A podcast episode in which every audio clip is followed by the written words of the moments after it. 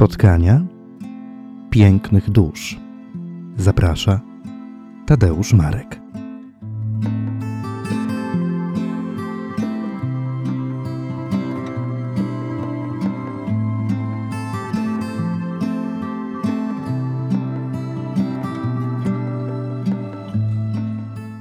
Witam w piwnicy pod baranami. Pierwszy raz jak to przyszedłem, ktoś mi powiedział, że tu jest ta właśnie ta piwnica pod baranami, sławna. Yy, Kraków był pusty, było parę lokali dosłownie wtedy w obrębie rynku. Mhm. Ja studiowałem w Poznaniu i no, byłem reprezentantem jakby niechcący, niechcący wszedłem w inne środowisko yy, kabaretu tej, czyli jakby opozycyjna druga strona medalu wtedy kabaretu polskiego. Yy, Ten, ten poznański był taki bardziej przaśny, wielkopolski, plebejski, a Kraków to było inteligenckie, prawda, środowisko. Ale jakoś się tak yy, tutaj dopasowywaliśmy. Potem się okazało, że właśnie do, w tym samym czasie również i Zenon Laskowik pierwszy raz przyszedł, tutaj przyjechał. Do piwnicy. odwiedzał do piwnicy, jak się kabarety nawiedziały. No i to były zawsze takie potem koncerty mieszankowe. Na zmianę popisywali się ze swoimi najlepszymi numerami artyści różni i- z tego wychodziły bardzo interesujące rzeczy. No i dzisiaj y, w tym miejscu, które y, te wspomnienia y, przywraca i, i, i- dostarcza, właśnie tutaj się znajdujemy. Ostrzegano mnie, że pan jest, panie Krzesimirze, strasznym gadułą i my ledwo testujemy mikrofon i już tutaj mamy szereg anegdot. To ja pana przedstawię. Dobrze. Dobra? Y, Kompozytor, dyrygent, skrzypek jazzowy, producent muzyczny, ale przede wszystkim człowiek y, o takiej historii, która myślę może prowadzić także w kontekście rozważań nieco bardziej uniwersalnych y, w bardzo ciekawe miejsca. Krzesimir Dębski. Cieszę się, że się ostatecznie spotkaliśmy. Dzień dobry, witam. Ja się cieszę, że, że jest teraz wentylacja, że jest tutaj cudowna atmosfera, piękne. No jakoś ta, to miejsce jest zadbane, bo wtedy pierwsza wizyta to była straszna, po prostu przerażające.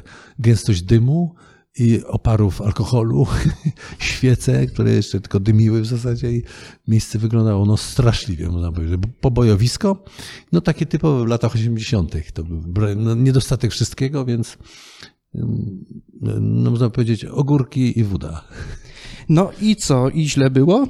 No inaczej nie mogło być, bo po prostu w takim środowisku żyliśmy wtedy i w, takim, w takich lokalach rozwijało się e, życie jazzowe, które na studiach e, jakoś mnie wciągnęło. Mhm.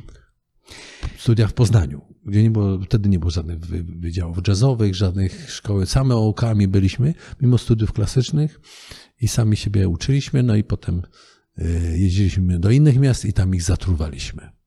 I tutaj pan natruł też trochę. Ale, panie Krzesimirze, adrem, ja jednak postaram się utrzymać pana w lekkich ryzach.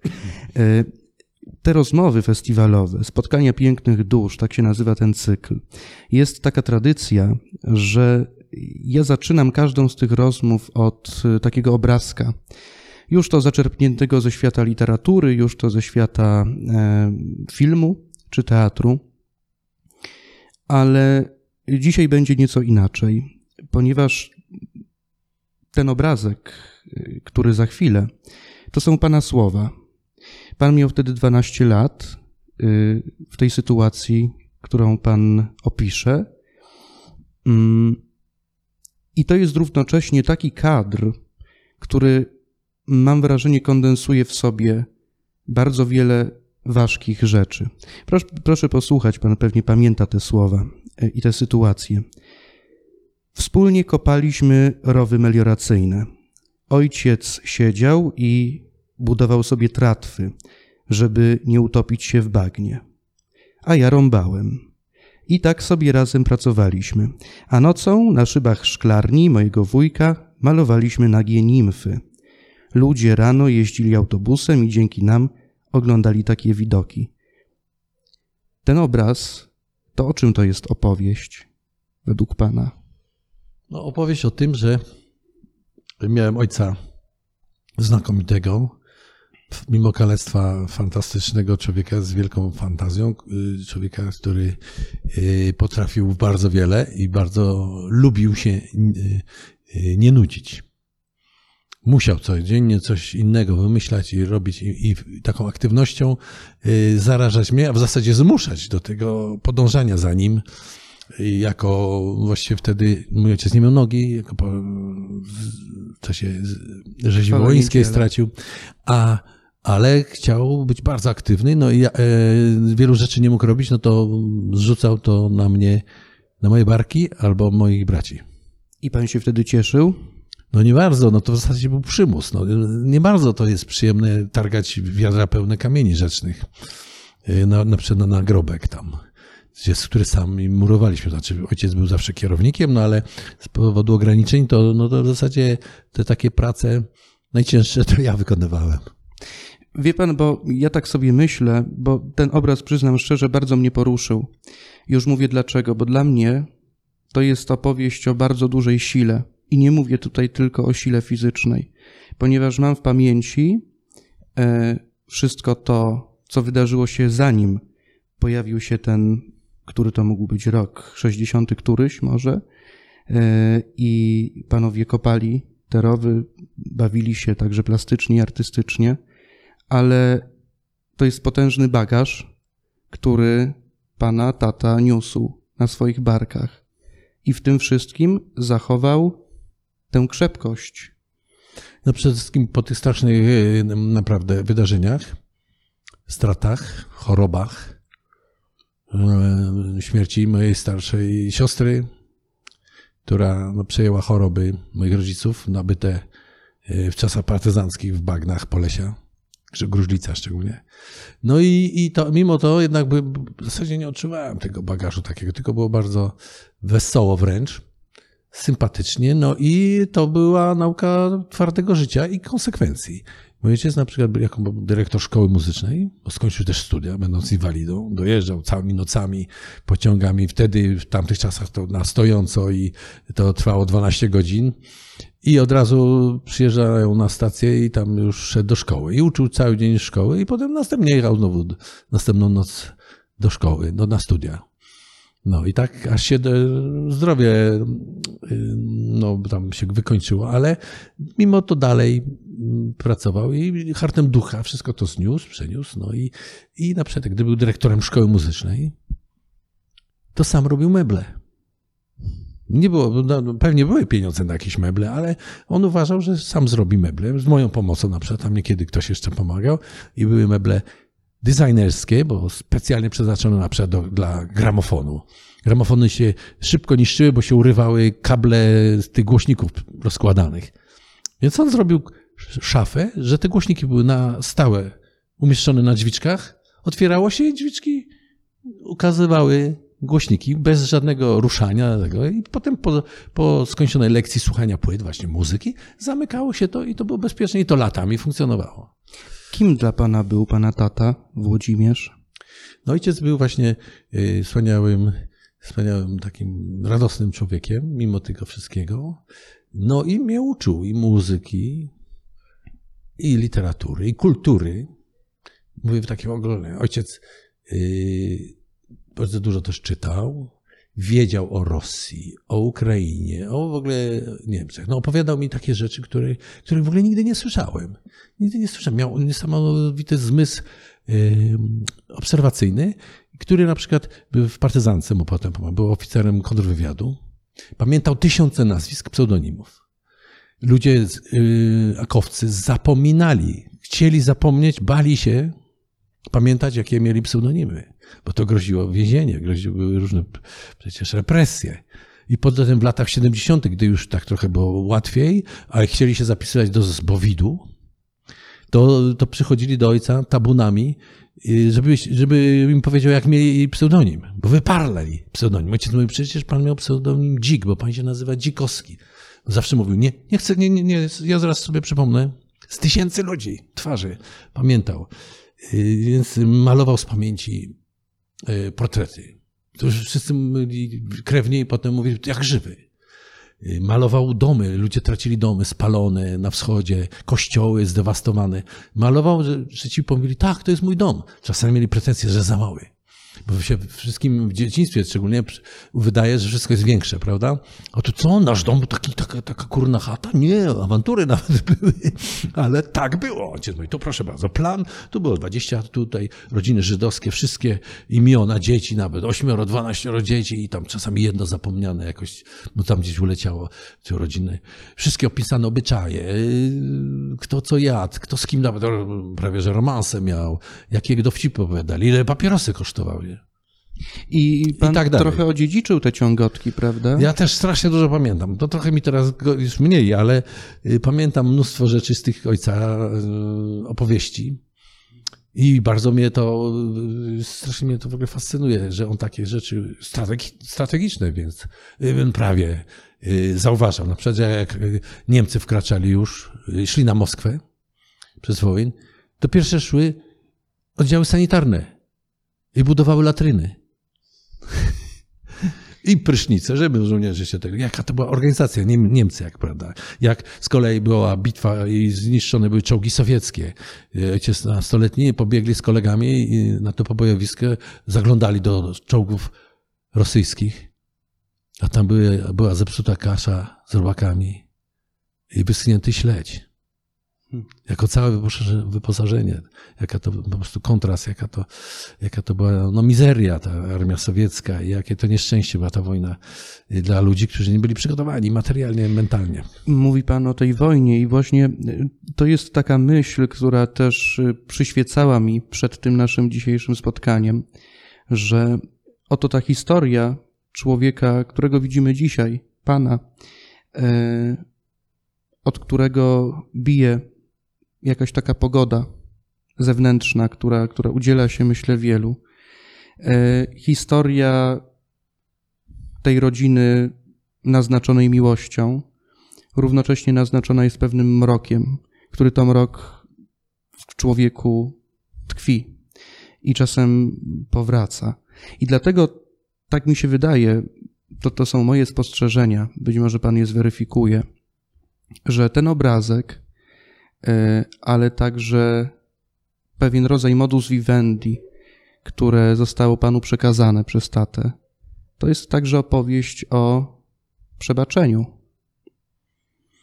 O przebaczeniu i akceptacji tego, co los przyniósł, bo przyniósł strasznie dużo rzeczy nieprzyjemnych. Ja w ogóle, jak sobie tak poprzypomnę, w ogóle tą, tą, tę, tą drogę, jaką zrobiłem i, i, i na czym mm, to polegało.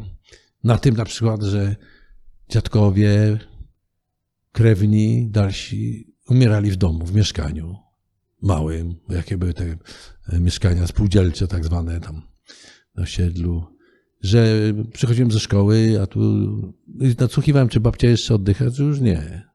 Tak podsłuchałem parę minut i zacząłem ćwiczyć Bacha, no, bo do, do szkoły, tu na skrzypcach trzeba grać, y, na fortepianie, lekcje odrobić i znowu posłuchać. Yy, Popatrzeć, co dziadek robi, a dziadek nigdy nie powiedział żadnego słowa. Dziadek, który był w carskiej armii, był w Mandżurii, e, w wojnie japońskiej, rosyjsko-japońskiej brał udział, przyszedł na piechotę z powrotem ranny z Mandżurii. Nie powiedział nigdy nic. A potem przeżył wojnę bolszewicką, pierwszą wojnę światową, jako żołnierz carski. Nie swojej wojnie był. I potem druga wojna światowa, sowiecka okupacja, która była gorsza niż niemiecka, tak odbierali to Polacy. I, i nacjonalistyczne mordy, a potem komunizm, no i potem i nigdy nic nie mówił. A drugi dziadek, drugiego dziadka nie poznałem. Był lekarzem. I wojnie światowej szpital. Ile on musiał nóg i rąk obciąć, ile operacji. No, w takim, tak, babcia była pielęgniarką, Ukrainką. Jeszcze się pobrali, no i był to mezalians, jak to Ukrainka się pobrała z Polakiem, a w zasadzie ona była Rosjanką z Kubania, w zasadzie sama nie wiedziała, tak jak wielu Ukraińców teraz w zasadzie mówi po rosyjsku i nie wiedzą tak dokładnie, kim są. I ona jeszcze się decyduje, w Polsce mieszka, tu mezalias rodzina nie akceptuje takiej rzeczy, a potem druga wojna światowa i znowu te rzeczy i te nacjonalistyczne mordy y, do- dokonane często przez takich y, chłopaków, których oni y, w ciężkich porodach utrzymywali, po ciężkich porodach utrzymywali przy życiu. Potem oni dorośli i, i brali udział w, w takiej rzezi. Co ta historia pana przodków i świadomość tych wydarzeń zostawiła dzisiaj w panu? No to, że zawsze czuję jakiś ból, jak słyszę, że nie możemy przyjąć to parę tysięcy y, uchodźców. Że oni niby tam jakieś bakterie mają przynieść. Że nie lubimy obcych, że nie lubimy obcej kultury, że chcemy być takimi strasznie zaśniedziałymi, ograniczonymi sklapkami na oczach ludźmi, że społeczeństwem jesteśmy tak mało y, rozumiejący, co się dzieje na świecie i co się działo w ogóle. No, bardzo to jest przykro widzieć, jak ludzie naprawdę mądrzy są prześladowani, są niszczeni w naszym kraju, jak się takie bzdury rozpowszechnia. No. Y, Ciężko jest być człowieczkiem troszeczkę y, lepiej wyedukowanym czy rozumiejącym świat, bo to jest bardzo przykre uczucie. Jeszcze byłem dzieckiem w Kielcach, mieszkaliśmy na początku, to słyszałem jak y, mamusie troskliwe z dziećmi w piaskownicy, mamusie mówiły dzieciom, y, patrzcie, ten pan y, był niegrzeczny i Bozia mu odcięła nogę. Jak też będziecie niegrzeczni, to wam zrobi tak samo. To jest po prostu mądrość ma- mamusi polskiej w czasach, prawda, tuż, tuż po wojnie. No, takie rzeczy bez przerwy słyszałem. Inni może tego nie zauważają, ale ja to właśnie bardzo, bardzo mocno i od razu mi się rzuca w oczy taka postawa. To, o czym pan mówi, myślę, że śmiało można nazwać, ja wiem, współczuciem, spojrzeniem na drugiego człowieka przez pryzmat jego człowieczeństwa. No tak, ja myślę, że nigdy by mi nie przyszło przez głowę powiedzieć spieprzaj dziadu. No więc właśnie, to są takie sytuacje, które wyzwalają w nas poczucie jakiegoś gniewu. To, co działo się wówczas w 40 latach na Kresach, też prawdopodobnie wzbudzało gniew tych ludzi, którzy mieli poczucie niesprawiedliwości. I dlatego moje pytanie, panie Krześmirze, co to jest przebaczenie? No zrozumienie, że taka jest natura ludzka, no niestety, że mamy wpisane w geny jakieś złe zachowania, że to jest immanentna część naszej osobowości. No niestety. Człowiek jest zły z natury? Z natury tak, no niestety nikt tak nie skrzywdzi jak człowiek człowieka, no i zwierzęta bezinteresownie nie będą sobie tam y, zabijały po prostu, a my interesownie zabijamy. Dla własnej wygody, dla jakiejś tam, dla majątku, dla pieniędzy, dla jakiejś, niektórzy dla sławy nawet. No bardzo, bardzo zwyrodniałe bywają y, sposoby pojmowania świata. I to jest niestety bardzo, no ja to widziałem od dziecka w zasadzie, no bo to się wychowaliśmy w Kielcach, przypuśćmy, prawda? Urodziłem się w Wałbrzychu. E, To wszystko było bardzo dziwne, ponieważ Wałbrzych był miastem takim zbiorczym. Bardzo dużo Żydów y, z Rosji podawało się za Polaków, żeby uciec stamtąd. I tam był, punkt zbiorczy, prawda, że może potem dalej na zachód się zdoła uciec. No i tam była, y, to mało jeszcze pamiętałem, ale w Kielcach to było miasto po pogromie kieleckim, gdzie były, by, była, to było pole walki z kościołem. Pamiętamy y, aresztowania prymasa. Ja nie byłem za specjalnie religijny, a chociaż byłem ministrantem. Z takiego chciałem poznać kulturę, elementy, łacinę i bardzo lubiłem to. W zasadzie nie z, powodu, nie z powodu wiary, tylko tak kulturowo. I, ale widziałem właśnie walkę z biskupem Kaczmarkiem, przejęcie pałacu yy, biskupiego w Kielcach i zmienienie go w ośrodek zdrowia. Yy, I właśnie jako taki minister byłem świadkiem, co księża mówili, widziałem tę ta, ta, ta, tą walkę, wyrzucanie nauczycieli, którzy chodzili do kościoła, ze szkół, prześladowanie organisty fantastycznego, Jerzy się nazywał, zaraz sobie przypomnę, Rosiński, o, genialnie harmonizował, tak harmonizował y, chorał gregoriański jak nikt. On powinien uczyć w najlepszych uczelniach muzycznych, a, a grał w Kielcach tylko. I nawet nie pozwalali mu uczyć w, szko- w średniej szkole. I, I jeszcze podpuszczali yy, jego rodzinę, jak się od syna teraz dowiedziałem niedawno dopiero, że y, napuszczano. Mówiono, że ojciec mój niszczy tamtego, że go nie pozwala zatrudnić, a, a tamtego znowu odwrotnie. No, no, od dziecka to widziałem niesamowite rzeczy. No, oczywiście to, że wolna Europa ciągle była słuchana w mieszkaniu i ja, te problemy od Rejnysy, ale tam inne rzeczy, to ciągle się słyszało głos Ameryki, a co innego w szkole, tu Gagarin, sukces Gagarina, wielka w szkole, akademie, jakieś ku czcinie, niesamowite rzeczy. To jest opowieść naznaczona goryczą. No jednak... tak, ale mnóstwo takich kontrastów. Trzeba było mieć własny pomyślunek, co to jest. No, rodzice pomagali, ale trzeba było jeszcze się samemu już zdobywać na wybory i samemu umieć ocenić to, co się dzieje. Przyspieszenie pewnego procesu dojrzewania w kontekście życia wśród ludzi, życia w społeczeństwie. No tak. No, Umiejętność odnalezienia się w takich sytuacjach, w takiej rzeczywistości właśnie nienazwanej. no właśnie trzeba było już wiedzieć od dziecka, o ten jest partyjny, nauczyciel ten jest świnia, taki, ten, taki, ten, taki. I to już była nauka na całe życie. Potem rozpoznawanie, a chyba to jest bardzo ważna rzecz w życiu, rozpoznawać przeciwnika. I wcześniej go wy, wykluczać albo z nim wygrywać. Rozpoznaje pan, pan tak do, dotychczas przeciwników? No tak, przeważnie tak. Myślę, że mi się udaje jakoś tak, bo to oczywiście potem były studia i tam było mnóstwo przeciwników i głupoty. Wojsko przecież była, przedmiot wojska. Raz Jeden dzień w tygodniu muzycy, studenci muzyki yy, zaprzeszcze, za, jak to się mówi, za, no tracili dzień Mhm. na głupoty. Za, na wymienienie krajów północnego teatru działań wojennych. No, jakie mamy kraje? No, ska, Skandy, ty, a my już mówiliśmy, byliśmy umówieni, że nie, udajemy, że nie wiemy. Je, takie miny robiliśmy. No jak na? No, Skandy. E, e. Żarty, ale to było marnowanie czasu. Jeden dzień w tygodniu przepadał. Nie można było ćwiczyć, nie mogliśmy się zajmować muzyką, słuchać, czytać, w ogóle cokolwiek robić.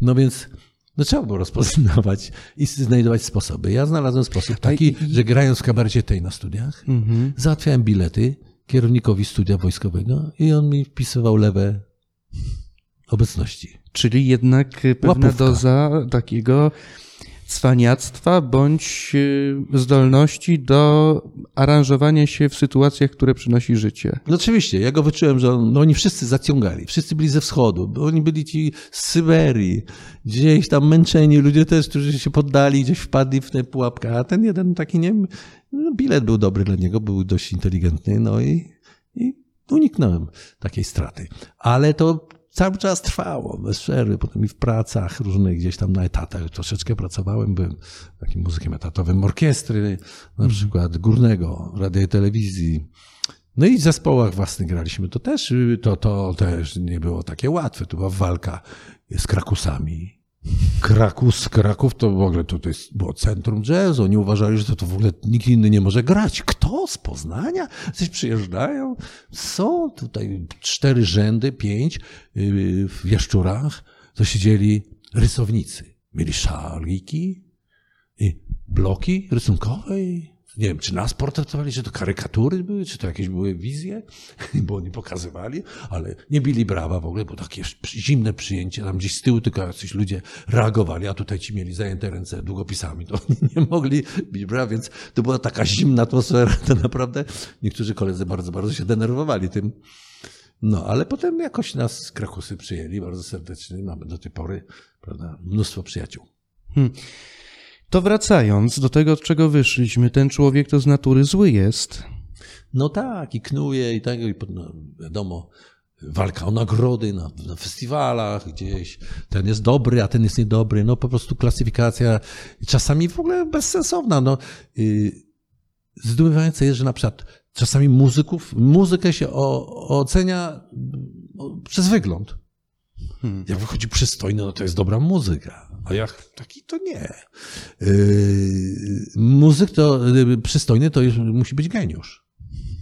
To się bardzo dużo widzi. A jeszcze szczególnie w tych czasach teraz, że nie, nie, nie, nie tylko się trzeba być artystą, ale jeszcze trzeba pozować na artystę, bo normalni ludzie się nie kapną, że Na to czym jest polega artysta. takie Że pozowanie jest na artystę? artysta, że on jeszcze musi wyglądać, pozować, to nawet ubiór, sposób zachowania, specjalne pozy, fryzury, no i nawet tematyka muzyki, pod publiczkę, podchodzenie, ale udawanie, że to jest bardzo artystyczne. No wszystkie takie możliwości są widoczne. Jeżeli ktoś umie samodzielnie myśleć, a to nie za dużo ludzi potrafi, to teraz to widać.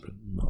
I e, no, przez lata było tak, to najbardziej genialni muzycy w historii w całej muzyki, nie tylko jazzu, mieli takie problemy. No przecież Georges Bizet napisał najwspanialszą operę, która jest y, która y, teraz jest najczęściej wykonywaną muzyką i co aria, wiadomo, to jest przebój. To niesamowita rzecz jest przecież. A nie spodobało się, bo Bizet nie, był, nie wyglądał na wielkiego artystę. Takim był, no, tak samo Moniuszko miał problem. Schubert, Schubert w ogóle był nierozumiany. Nazywano go człowiek o y, człowiek opozycji Furmana. Y, Aparycji, o. Lepiej jeszcze mówią, no, aparycję y, Furmana, tak. Jest, a śmiał coś grać i w ogóle komponować? Biedny, tak wcześniej umarł, prawda? I to tak zawsze było. No. W Paryżu na przykład, gdzie nasz Fryderyk Chopin e, e, działał, żył, no był, był, był dopiero piątym w klasyfikacji pianistą polskim w Paryżu. Jak pisze w listach, no znów dzisiaj mm, napatoczył się ten Imć Piotrowicz i mi nieznośnie cały dzień bębnił na pianino. On był, Chopin był piątym polskim pianistą dopiero. Bo nikt się nie znał. Mickiewicz, czy się znał na muzyce? To zamknięcie zawsze było takie, że, że tylko swoje, swoja działka była, a reszta nie. A, a jeszcze było kilkunastu innych pianistów fantastycznych, Kalkbrenner, taki wirtuozów prawdziwy, no i Liszt był, prawda, i, i, i Field, który ten nocturny pisał, mnóstwo, taka konkurencja i Chopin przecież grał, dosłownie kilka koncertów zagrał w swoim życiu w Paryżu.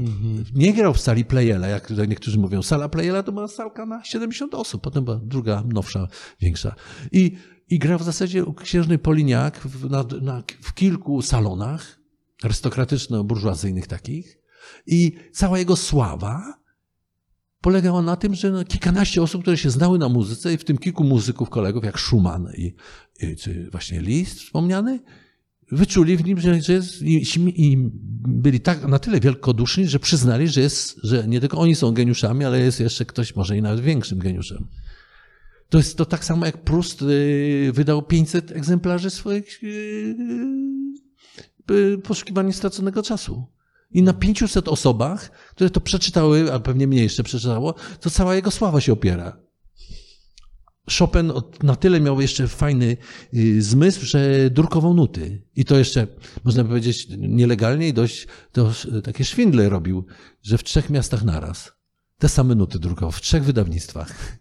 I panny na pianina grały w domach, bo wtedy burżuazja zaczęła kupować pianina do swoich salonów, mniejszych niż arystokratycznych, i tam grały, i niektórzy byli muzykalni, i tak się rozpowszechniała sława Chopina, ale to w porównaniu tym, co teraz jest, że może artysta sobie załatwić dwa wejścia w dzienniku telewizyjnym czy tam jakimś programie i już jest gwiazdą w ciągu jednego wieczora. I to miliony o nim wiedzą. To, te, to wtedy to było niepomiernie ciężko. To jest opowieść o właśnie takiej, no jednak szpetnej momentami wynika z Pana spostrzeżeń, spostrzeżeń konstrukcji tego świata. Jak Pan się odnajduje w niej? Jaki jest Pana sposób na branie tego życia i smakowanie tego świata? No ja przede wszystkim uważam, że nie ma co się w ogóle stać. Niektórzy całą parę energię puszczają właśnie w tą taką promocję swojej osoby. Strasznie o to zabiegają ludzie, tak, no więc, a to w ogóle nie ma sensu, bo, bo tak mało się zna i rozumie, o co chodzi ludzi na rynku, że właśnie trzeba liczyć na tą garstkę fachowców. Że na przykład muzycy, którzy wybierają sobie kompozytora i go grają, oni powodują, że on jest, będzie kompozytorem wiecznie żywym i niezapomnianym. Tak jest z Chinasterą czy Piazzolla. W ogóle nieznani ludzie, muzycy sami postanowili, że będą grać ich utwory, bo im się podobało, bo się fajnie grało. Można powiedzieć, że mają słaby instrumentaliści, to mają słaby gust. No ale coś, czyli, że to jest szczere, że fajnie się gra i że ludziom się podoba. A to, że PWM w Krakowie wyda partytury różnych sławnych muzyków, o których potem Wojciech Killer no, powiedział, że no, XX wiek to było cmentarzysko partytur bezużytecznych, no to te wysiłki PWM-u no niestety spełzły na niczym, no, można powiedzieć. Muzycy decydują, kto zostanie w historii, kto będzie, ostanie się wielką postacią, a, a reszta tak będzie tylko Chciałby kibicuje pan albo zostać w kibicuje. historii? W ogóle zależy panu na czymś takim? Nie, czy właśnie, ma pan właśnie to o tym myślę, że że, w ogóle nie trzeba myśleć, tylko trzeba pisać dużo, im się na więcej, ile się da.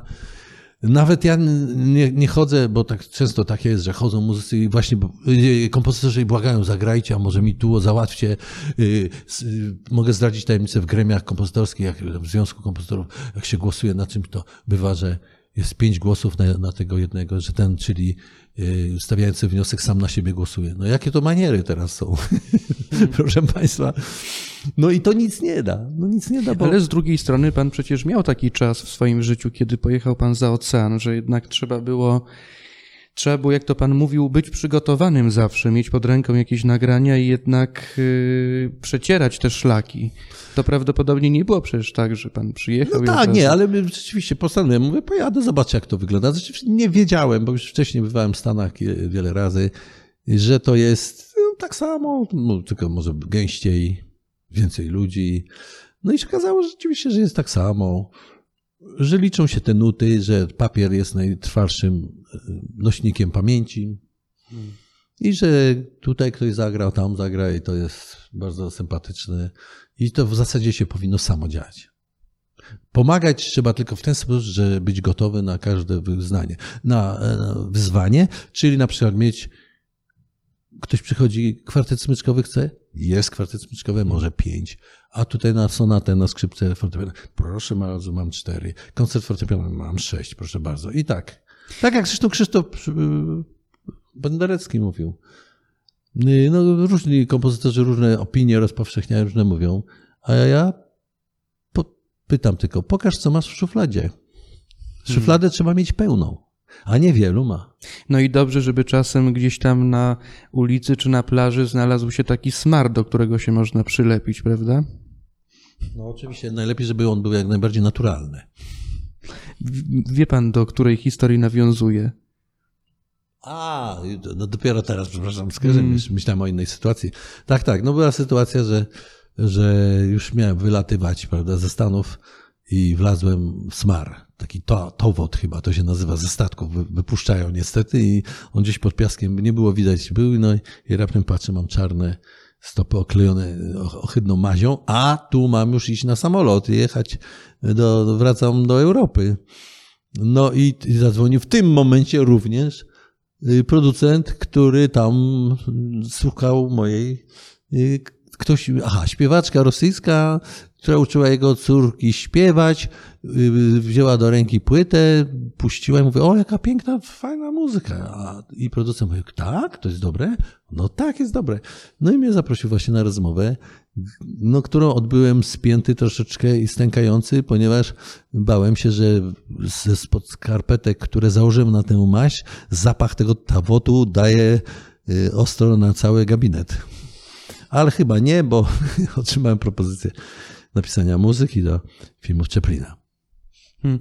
Panie Krześmirze, ile dzisiaj w panu, mimo wszystko, być może to przewrotne pytanie, ale ile w panu dobra?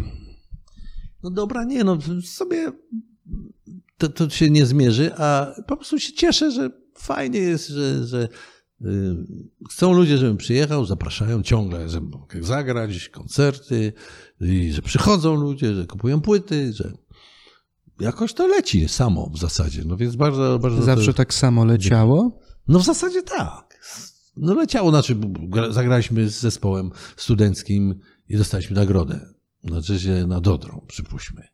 Yy, Z tym, że jury yy, może niezbyt trzeźwe, bo takie to były czasy wtedy, pomyliło się i, i przyznało nagrodę za kompozycję mojemu koledze z zespołu. Ale ja byłem kompozytorem. On wyszedł na estradę i, i zrobił tak rękami taki gest. że no, ja niewinny, no, ale wziął, przyjął i nie sprostował. No wtedy wiem, że koledzy niektórzy no, byli strasznie źli, no konflikt był duży. Ja troszeczkę czułem, no tak, no trochę to jest plama, no w zasadzie to no, nagrody nie dostałem. Ale się okazało, że no, tamten kolega nic mu tam to nie pomogło.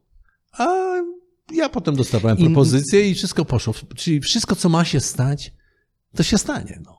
I to jest taka filozofia, której pan się w ogóle nie, mus, nie musiał uczyć, tak to brzmi, że po prostu to od zawsze w panu ja jest, tego, nie, lekkość. Nie, no, nawet tego nie przeczytałem nigdzie, przyznam się, że tak mi samo wyszło, że taka jest zasada w życiu. No, bywa, nie bywa, przychodzi, a potem no, niespodziewanie nagroda jest coś, a potem jest kiepsko, ale generalnie pod górkę. I to jest, ale to, to jest kwestia jakiejś potężnej lekkości, która w jakiś sposób no, znaczy to pana życie. To jest tak, że odkąd pan pamięta, tak jest, że w ogóle niczym się nie przejmujemy i nie troskamy? No, znaczy, troszkę tam można myśleć, co to dalej będzie, czy, czy mm. teraz takie rzeczy są, się dzieją, że nie wiadomo w ogóle, czy ludzie będą mieli emerytury.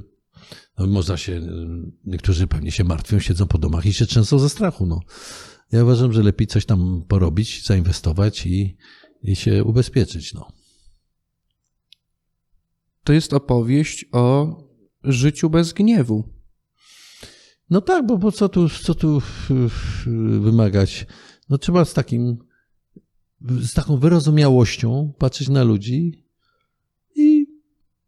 i życzyć im tylko, żeby właśnie się mniej martwili, żeby byliby właśnie, żeby potrafili być dobrzy, żeby zrozumieli, że też na przykład, żeby każda parafia, że może te przyjąć kilkaset osób. No przecież co to teraz takie te parafie są olbrzymie, puste sale katechetyczne, co kiedyś były pełne i na parafiach widzę, bo mam koncerty w kościołach, że mają i 20 pokoi pustych. Bo tak budowano w latach 70., 80. Yy, no i, i, i, i że można mieć jakąś wielkoduszność też dla innych. I można wybaczać przede wszystkim. A pana dusza to duża jest? Dusza? Mhm. No w ogóle ja nie mam duszy. Myślę, że nie mam. Ale tak, no raczej y, słyszę, że niektórzy, mi rodzina mi y, troszeczkę są źli na mnie, że no mam na przykład grono ludzi, którzy chodzą za mną, żebym im dał parę groszy, no. Ale przeczytam Rubinsteina w, jego autobiografii, że on też miał takich ludzi, ciągle za nim chodzili. I ja e, nawet pojechał do Nowego Jorku i już tak odetnął, mówi, no naraz może mam już spokój. A tu ciach, po trzech godzinach znowu się pojawili ludzie, którzy potrzebowali. Chyba tak to jest właśnie, jak, jak się przeczytałem na przykład historię Warszawy przedwojenną, Romana Jasińskiego. Fantastyczna to jest książka, polecam. On był redaktorem muzycznym radia, sam pianistą. Więc cała Warszawa przed wojną żyła z pożyczek. Jak ktoś miał jakieś pieniądze, to natychmiast koło niego było mnóstwo wielbicieli i po dwóch, trzech dniach pieniądze się kończyły, więc szukano następnego jelenia, który będzie stawiał. I takie pożyczki, taki system no, życia na kredyt był bardzo rozpowszechniony i teraz dopiero w tym wieku właśnie zauważam, że coś takiego jest i w naszych czasach, czyli że zawsze tak było i będzie. Hmm. To jest piękna opowieść, głównie ze względu na to, że kiedy myślę sobie mm, o tych strasznych rzeczach, które się działy, mówimy o Kresach lata 40., mówimy o Bałkanach, y, Bośni i Hercegowina lata 90., a nawet Biały Stok, rok 2019, to ja mam takie wrażenie, że tragedia tak naprawdę zawsze zaczyna się w człowieku. Zaczyna się od jakiegoś bólu, żalu, który człowiek ma w sobie, a następnie niesie go dalej i sieje tym bólem i tym, co w sobie ma, i tym, co niesie spustoszenie. I dlatego tak y, fascynującym, i powrócę tutaj do tego wątku, tak fascynującym człowiekiem stał się dla mnie pana tata, bo to jest, takie mam wrażenie, to jest, to jest jakaś emanacja całkowitego wyzbycia się nienawiści, która przecież mogłaby być uzasadniona, która w wyniku tych rzeczy, które gdzieś tam się wydarzyły, mogłaby następnie przechodzić na pokolenia, na Pana. A w Panu tego nie ma. Co ma Pan, albo inaczej, czego brakuje tym ludziom, którzy sieją spustoszenie, którzy sieją nienawiść? No cały czas brakuje wie wiedzy, wiedzy odczytania nauki, pobierania nauk i wnioskowania i umiejętności, y, brak umiejętności w- własnego indywidualnego sądu, myślenia. To jest straszne, że właśnie tak łatwo ludzie ulegają jakimś takim fałszywym prorokom, jakimś ludziom, którzy wymyślą na przykład hasło wstańmy z kolan. No, raczej na kolana i módlmy się. A, y, I to ludzie powtarzają takie hasła, a to było hasło w 1922 roku użyte przez Hitlera w czasie puczu monachijskiego. Ale ciągle jak jacyś tacy ludzie właśnie przychodzą i, i tak bełtają tym maluczkim w głowach. No, też bardzo jest mi przykro, że my jesteśmy w kraju, w Polsce, w którym, który był krajem, który najpóźniej, w którym najpóźniej zniesiono niewolnictwo w świecie cywilizowanym. Mówi pan o pańszczyźnie. Pańszczyźnie w 1864 roku czarni e, niewolnicy w Stanach Zjednoczonych rok wcześniej zyskali wolność. I taką wolność, że w zasadzie mogli robić co chcieli. A nasi chłopi nie mogli się dalej ruszyć i nic za tym nie poszło. Że byliśmy krajem, który, który w zasadzie Yy, no, to w ogóle jest zdumiewające, że się tak rozwijał i że był to kraj takiego, no, że to było imperium wręcz. Że to ten nasz kraj właściwie trzymał się cały czas na y, strukturze 8% y, obywateli, czyli szlachty, która zajmowała stanowiska we wszystkich najważniejszych gałęziach. Prawda? Byli wojskowymi, byli inteligencją, byli mm, dow- dowódcami wojskowymi, a to już mówiłem, prawda, i artystami. I mamy od Kochanowskiego, Reja, i Sienkiewicza, i Witkacego, i, i Moniuszkę, i Kościuszkę, i dowódców, i malarzy. Wszyscy byli z worów y, szlacheckich i nawet w zasadzie to było aż do II wojny światowej. I że na, taka garstka ludzi potrafiła rzeczywiście wybudować dużą, kurde, y, dużo, olbrzymią spuściznę właśnie wy- wyprodukowała, a zmarnowane zostały talenty reszty narodu. Milionów, milionów przez setki lat ludzie zdolni przecież musieli być tam geniusze, którzy nie mogli nic zrobić. W, w Europie już wtedy, w XIV, XV wieku, w Holandii, mieszczanie, chłopi, właściwie mogli robić co chcieli. Czy we Włoszech, czy nawet żydowskiego pochodzenia Kolumb od, od Izabeli Katolickiej dostał statek, płyń, przywieźć złoto. Proszę bardzo, badania y, ge- geograficzne, zdobycze, artyści we Florencji, podłego rodu, kurczę, mogli robić co chcieli, to spełniać talenty, niesamowity rozwój ludzkości następował. A u nas taka ilość ludzi, y, wysiłek ich został zmarnowany i niewykorzystane takie talenty. Mówi pan o historii Polski e, też. Uważa pan, że to właśnie, to, to, to brzemię historyczne, które my dzierżymy jako naród, e, ma wpływ na tę emocję, która w tym momencie rządzi tym narodem? No oczywiście, ponieważ no, to jest łatwe do obliczenia, że no, u ludzi starszych, tak jak ja, no to akurat mój dziadek był lekarzem, ale y, dziadkowie dorosłych ludzi byli analfabetami, a już pradziadkowie to powszechnie prawie. No. Szkoły przedwojenne miały, mm, czteroklasówki miały w każdej gminie się zorganizować, ale niestety udało się tam w 20-30% tylko i to dwuklasówki. Więc naprawdę y, to było no, straszne zapóźnienie cywilizacyjne. A natomiast, jak y, spis powszechny w 1938 roku wykazał, y, prawie 100% obywateli miało styczność z alkoholem od dziecka. No na pewno to jest bardzo obciążające. To jest bardzo pesymistyczna wizja naszego No tam to społeczeństwa. się ciągnie cały czas ten, ten brak wykształcenia i właśnie za tym idzie taka, taka skłonność y, jakimś troszeczkę tym, co niby trochę są wykształceni, to skłonność ulegania ich jakimś chorym wizjom. Panu zdarzyło się kiedykolwiek w życiu ulec komuś bądź czemuś? No właśnie nie. Nigdy nie wierzyłem zawsze. Skąd? Aczkolwiek się już, jak, y, to znowu pójdę do historii, że na przykład Gierek się pojawił, pierwszy sekretarz. Wszyscy mówili inżynier i mówi po francusku. No mówił takim językiem robociarskim po francusku, no, no ale już to, to, to było powszechny podziw. No po Gomułce, no rzeczywiście, no był jakiś taki gość, no był we Francji troszkę, prawda? No ale się okazało, że to, no, to była tragedia ekonomiczna, y, całkowita klapa po prostu. No i tak tych y, takich proroków widziałem wielu, wielu. No ale skąd w takim razie w panu taka siła, że pan nigdy nikomu niczemu nie uległ? Y, Nawet jeśli mógłbym pociągnąć dalej, nie uległ także y, chyba ludzkiej naturze. Przecież była ta sytuacja, w której pan mm, stanął twarzą w twarz z człowiekiem, który zamordował państwa, pana dziadków. Y, uleganie, my ulegamy bardzo często jakimś swoim instynkt, instynktom. Ja tutaj mówię właśnie z jednej strony o tym e, braku uległości wobec tego świata, ale także wobec jakichś naturalnych odruchów, gniewu, którego, jak Pan mówi, nigdy w Panu nie było. Skąd ta siła? Gdzie jest ta ostoja i baza, z której Pan czerpie? No na pewno to spotkanie z tym, z tym domniemanym mordercą, no bo nie skazanym, nie tego, aczkolwiek no jakby wszystko było jasne, no to było, było mocne przeżycie.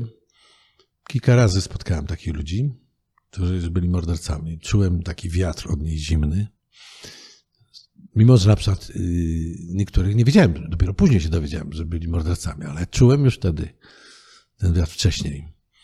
No na pewno tak, to, to są przykre rzeczy. No i w ogóle sobie yy, czasami usiłowałem zrozumieć, jak to ludzie tacy żyją właśnie, którzy no, mają coś takiego w swoim bagażu. Mhm. No, ale widocznie no, ta natura potrafi znieść nasza wszystko. I przecież po wojnach wszystkich, no, takich ludzi były miliony, co mieli coś tam na sumieniu, prawda? I oni żyją. I, i jakoś tam niektórzy y, usiłują jeszcze nas kształtować i tłumaczyć, że, że wszystko było w porządku. A mimo to nie ma w Panu gniewu, tylko jest dystans. No dystans, no bo, bo się nie da nic zrobić. No, trzeba czekać, że ludzie zmądrzeją. Troszeczkę idzie do przodu ta, ta, ta ziemia, aczkolwiek są y, okresy rozwoju i idziemy do przodu i potem łubu dubu znowu do tyłu. No teraz idziemy do tyłu. Jak nie truć tego świata i nie truć siebie? No właśnie, to taki bezpośrednio trzeba mówić o tym, żeby kombinować, żeby jak najmniej tego śladu węglowego zostawiać i tych śmieci po sobie. Teraz będzie bardzo dużo śmieci po tej pandemii. Kiedyś da- dawano obiady na talerze, które się myło, a teraz kartonika plastikowego rozwożą masowo i ludzie się nauczyli wszystko, żeby im przywożono do ziemi, do domu. A tego, tych opakowań to jest niesamowita eksplozja teraz zaśmiecenia Polski. I kraju świata też. Więc ty, to jest takie zaśmiecanie w niej, to nie tylko mózgu i nie, idei, y, życia, modelu y, życia, ale również bezpośredniego zaśmiecania, niszczenia absolutnego. ale z drugiej strony to zgorzknienie, które też bardzo często jest mimo wszystko wpisane w ludzką naturę, jak się spogląda e, niejedno, i to nie tylko w Polsce, tak mi się wydaje. To jest też taka rzecz zatruwająca, która sieje spustoszenie w człowieku i, i w ludziach, bo to jak nie ma harmonii wewnątrz, to próżno szukać jej w świecie zewnętrznym. No przyznam się szczerze, że mam bardzo teraz ciężki okres, Mhm. ponieważ chciałem być pełnym mężczyzną, człowiekiem i zacząłem, i zostałem inwestorem. Zacząłem działać w gospodarce. Hmm.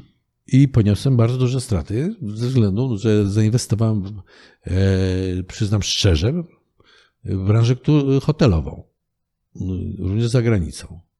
No i jak wiadomo, branża hotelowa y, jest jedną z tych, która najbardziej ucierpiała. I bardzo się dziwię, że w ogóle się właściwie tym nie przejmuje. Znaczy jest to takie coś, no szkoda. Jest jakaś tam nadzieja, że może to jeszcze jakoś się wróci, aczkolwiek myślę, że to jeszcze potrwa wiele lat. No i, i to jest doświadczenie niesamowite, ale wzbogacające. Teraz myślę o tych wszystkich bankrutach w Łodzi, o tych, no co się działo po, po każdej wojnie, czy w czasie wojny, jak ludzie wszystko tracili. Jak, jak, yy, przypomina mi się hrabia, który w kabarecie tej znał siedem języków, niesamowicie wykształcony, nie mógł pracować. I go y, z litości zatrudniono w kabarecie i pokazywał dość nieudolnie królika z cylindra. Także taki niby, jak to w kabaretach bywały, prawda? Numer teraz ekwilibrystyczny albo jakiś inny. No i właśnie ten hrabia nasz y, fantastyczny nam te, te rzeczy wypełniał. No i tak sobie myślałem o, o Zamojskich, którzy nie mogli się na 100 kilometrów zbliżyć do swoich posiadłości.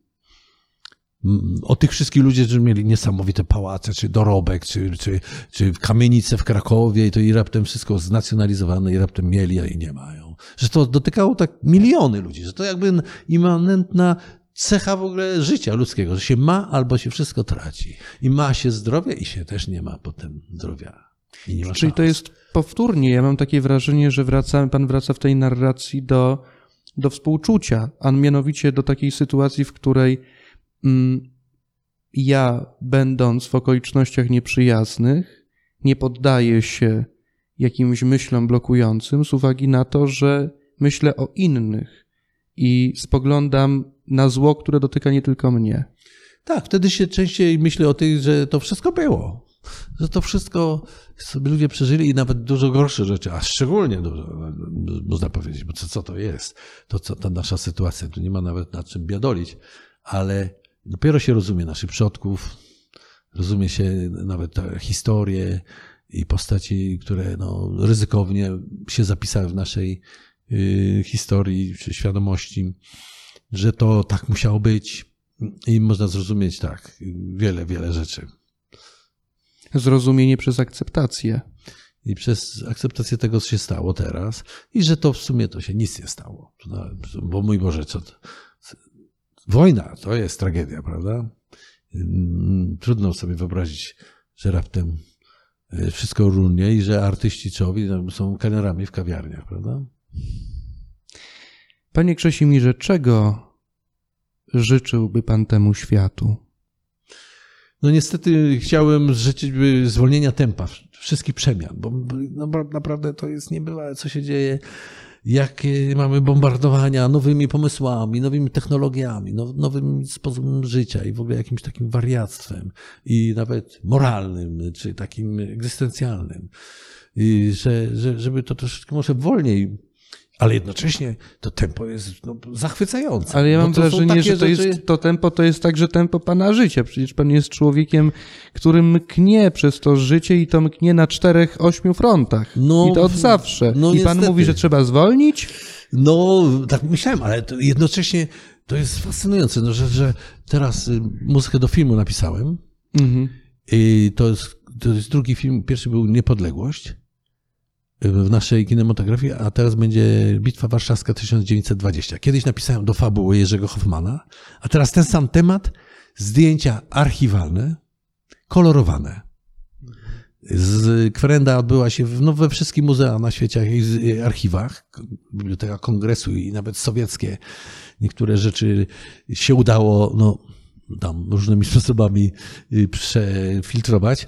I to, i, i to niesamowity jest film, bo tam w ogóle y, patrzę, czy nie tam mój dziadek, jeden, drugi przychodzi, aczkolwiek pewnie by mi nie poznał. Ale właśnie, że ludzie ci też tak żyli i oni jak są pokolorowani, oni wyglądają jak teraz. Tam są dziewczyny, które wyglądają jak teraz dziewczyny na rynku krakowskim. Te same nawet fryzury. Oczywiście większość ma inaczej, no, stroje, wiadomo, mundu- mundury yy, haler, halerczyków yy, błękitne, prawda, ale że, że ci ludzie też no, przeżywali straszliwe rzeczy. Ta wojna taka, która, no nie wiem, ten mój dziadek mi się przypomina, no, yy, bolszewicy, którzy nie raz przechodzili przez tereny, no, wszystko grabili, bo przecież nie mieli nic do jedzenia, no, przecież to byli już zdemoralizowani pierwszą wojną światową ludzie. Już jak się u Babla czyta, no to przecież mordercy nie bywały, jakie tam, tam prześladowania, ludy, ci gwałty, to nie bywały rzeczy były.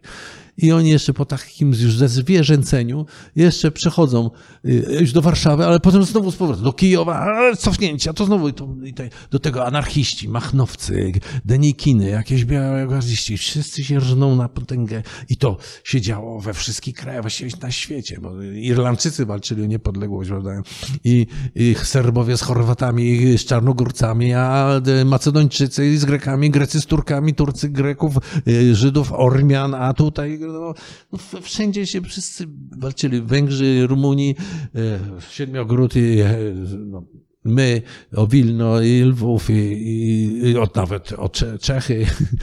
Czesi podchodzili pod? Kraków, prawda? No, jak to w ogóle można takie rzeczy przeżyć? Jak to można przeżyć, jak nie ma sklepów, jak nic nie ma żywności, no, nie ma niczego? Co jest kluczem do tego, bo ta walka jest wpisana w ludzką naturę. I to na każdej płaszczyźnie. W tym momencie nie walczymy o ziemię, yy, przynajmniej tutaj, yy, ale ta walka międzyludzka trwa. I teraz, no właśnie wygląda, że coraz I teraz bardziej. jakie jest remedium na to? Czy w ogóle jakiekolwiek istnieje? Czy to jest kwestia tego, że po prostu trzeba to przeżyć No jest walka my i my, każdy musi brać udział w tym. W tej walce? Bo to nie jest tak właśnie, że, że o, to mnie wojna nie obchodzi, ja sobie przeżyję. Nie, a tu raptem bombka spada. No. Trzeba, trzeba się angażować. Tak właśnie jak mi ojciec opowiadał, no, że bywało tak, że banderowcy chcieli zamordować ludzi w kościele. A byli tacy ludzie, katolicy, co mówili, a oni tylko księdza zabiją i mamy spokój. Nie, księdza zabiją, to potem dalej idzie. I teraz to, to jest walka też ekonomiczna, walka właśnie o pomysłowość, o inteligencję, o rozwój technologii. Przecież to wszystko walczy, mm, kto więcej sprzeda, kto gorszą cenę zapłaci, kto zbankrutuje, prawda? kraje całe bankrutują, wykańczają się, nie nadążają albo mają głupie pomysły. I to jest już teraz na, na miliardy walka. A zatem może umówmy się, że, że temu światu należy życzyć zgody. No tak, i żeby to jakoś no, y, ustępowało, bo wszyscy chcą sprzedać i milionom. A jak się nie sprzeda milionom, miliardom, no to się ponosi klęskę, jest bankructwo. Więc to się napędza coraz bardziej i wszystko jeszcze leci bardziej do przodu. A zatem ku zgodzie i, i zwolnieniu. Zwolnieniu i, i więcej dźwięków jazzowych, bombardowań perkusyjno-harmonicznych. Takich bombardowań. Panie Krzesimierze, bardzo dziękuję za to spotkanie. I więcej festiwali, żeby nie trwały tylko dwa miesiące, ale 50 lat. Codziennie po 8 godzin. A zatem w taką stronę Krzesimir Dębski był z nami. Dziękujemy Państwu uprzejmie. Wszystkiego dobrego.